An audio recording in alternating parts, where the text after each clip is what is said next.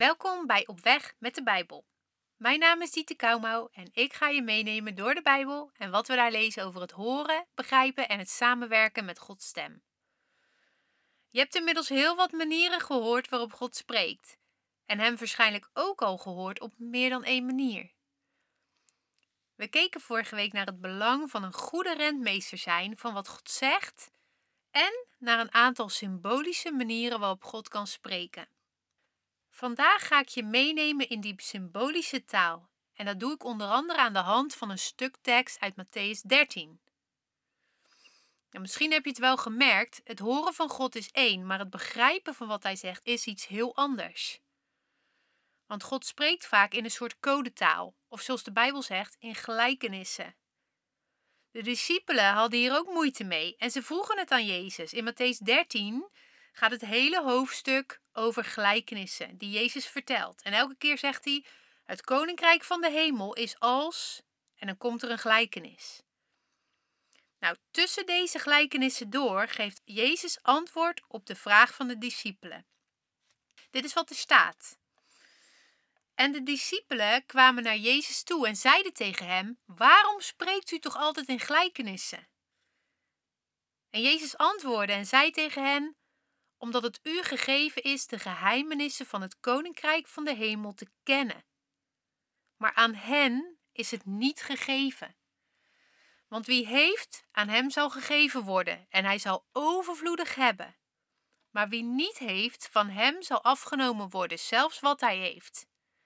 Daarom spreek ik tot hen door gelijkenissen, omdat zij niet zien, ook al zien ze, en ze horen niet, ook al horen ze, en ook begrijpen ze niet.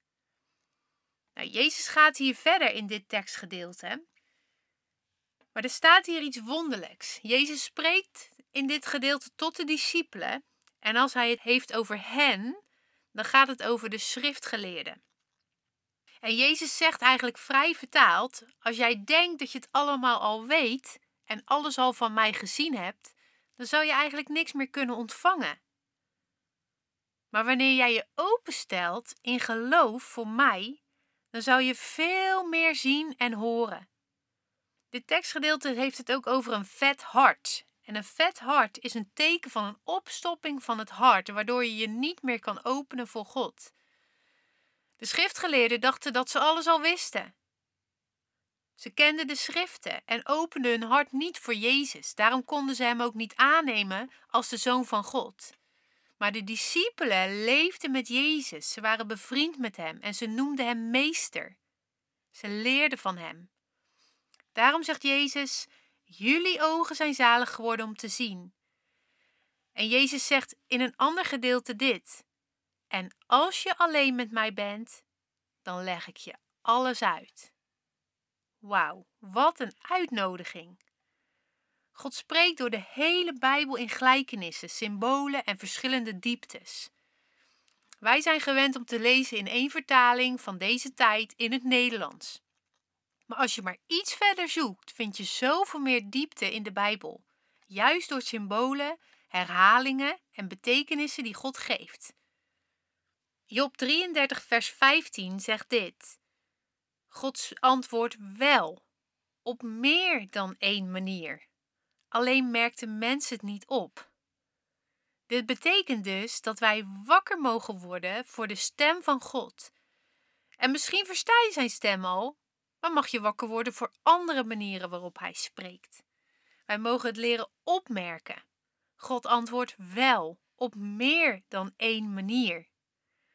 Misschien heb je het al gemerkt. Wanneer God spreekt is het soms net een speurtocht.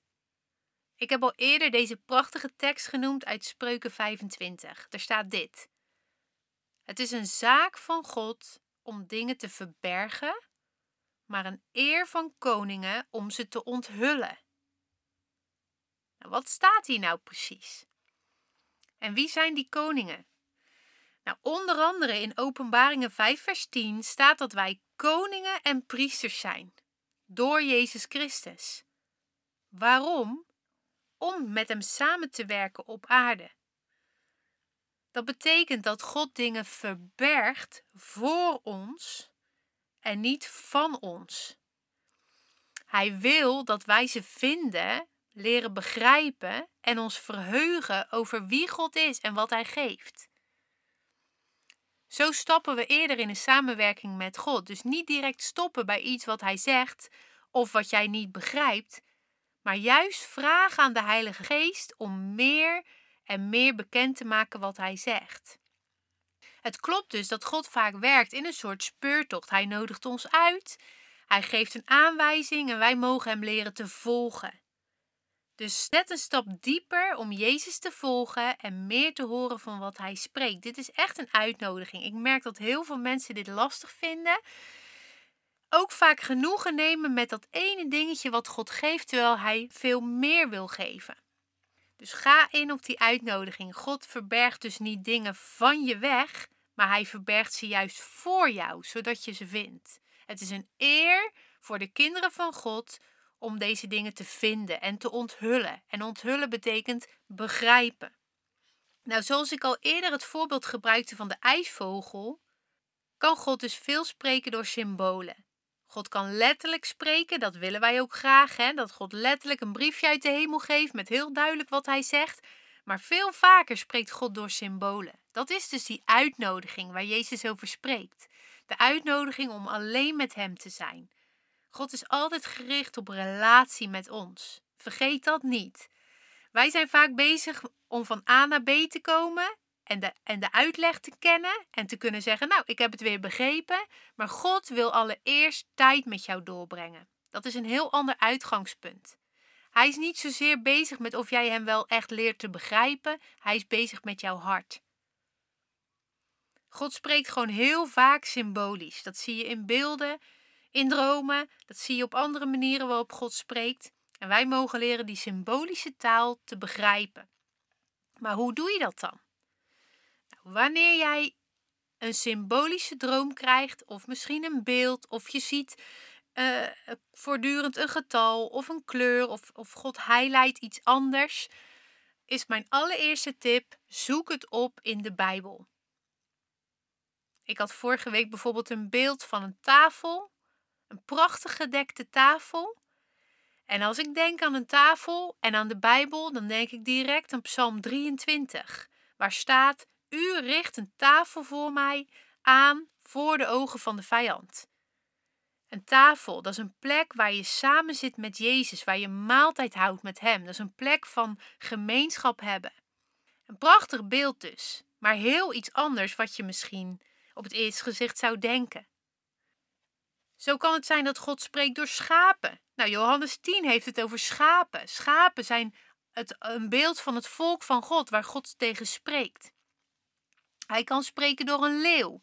Nou, Zacharias spreekt bijvoorbeeld over de leeuw van Juda als een beeld van God die overwinnaar is.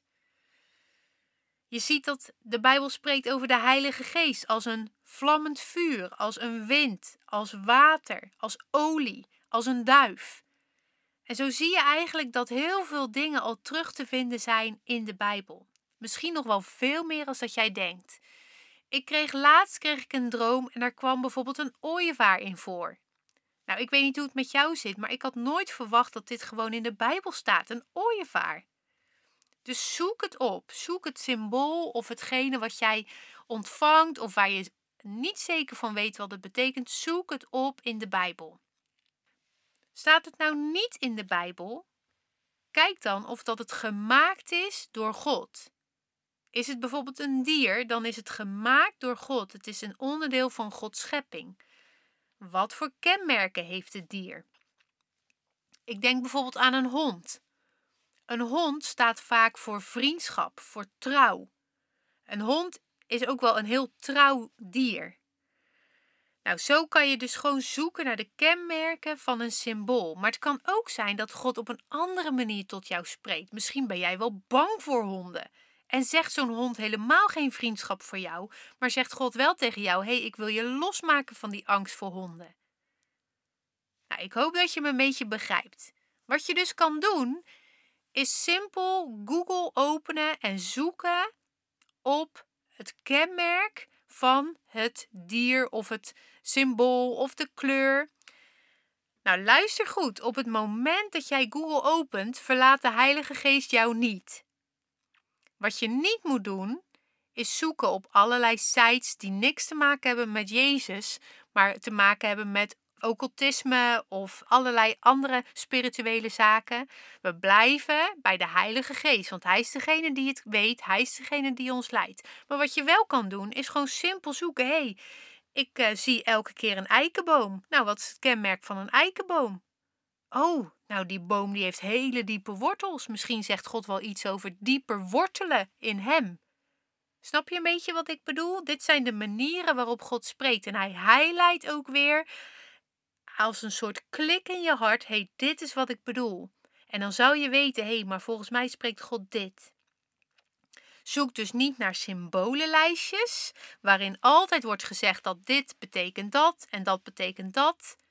Ook al lijkt dat misschien nog zo makkelijk, zoek naar wat de Heilige Geest tegen jou zegt. Ik vind het heel belangrijk om te benadrukken. Ik hou niet van symbolenlijstjes. God is niet te vangen in een lijstje. God is veel groter dan een lijstje. We hebben het nodig dat we de stem van de Heilige Geest volgen. We zien ook wel in de Bijbel dat bijvoorbeeld zaad betekent de ene keer geloof en de andere keer staat het voor geld. Zo kan je dus nooit zeggen dat één symbool altijd hetzelfde betekent. We hebben God nodig om de ware betekenis te achterhalen van wat Hij op dit moment persoonlijk tegen jou zegt. Als laatste wil ik dit aanhalen. Wanneer God iets herhaaldelijks onder jouw aandacht brengt, dan betekent het dat het belangrijk is voor God. Dat zien we al in de Bijbel. Elke keer wanneer God bijvoorbeeld twee keer iets zegt, dan zegt het woord dat het ook zal geschieden. Zo gaf hij Jozef twee keer de droom van zijn koningschap. En het zou geschieden. God zegt tegen Adam: Adam, Adam, waar ben je? Hij zegt niet één keer Adam, maar twee keer. Hij zegt eigenlijk: let op. Wat ik nu ga zeggen is belangrijk. Hij zegt bijvoorbeeld ook: Saul, Saul, waarom vervolg je mij? Hij trekt de aandacht door twee of vaker iets te zeggen. Dus wanneer iets herhaaldelijks van God tot jou komt, mag je ervan uitgaan dat het belangrijk is dat je achterhaalt wat God nou precies wil zeggen. Nou, ik hoop dat dit je geïnspireerd heeft om naar God te gaan, om alleen tijd door te brengen met Jezus en Hem te vragen wat Hij nou tot jouw hart wil spreken. Ik geloof ook dat je sleutels hebt ontvangen om te achterhalen wat symbolen betekenen. Zoek altijd naar de klik van de Heilige Geest, iets wat in je hart klikt, wat bevestigd wordt door de Heilige Geest. En dan mag je het aannemen als iets van God.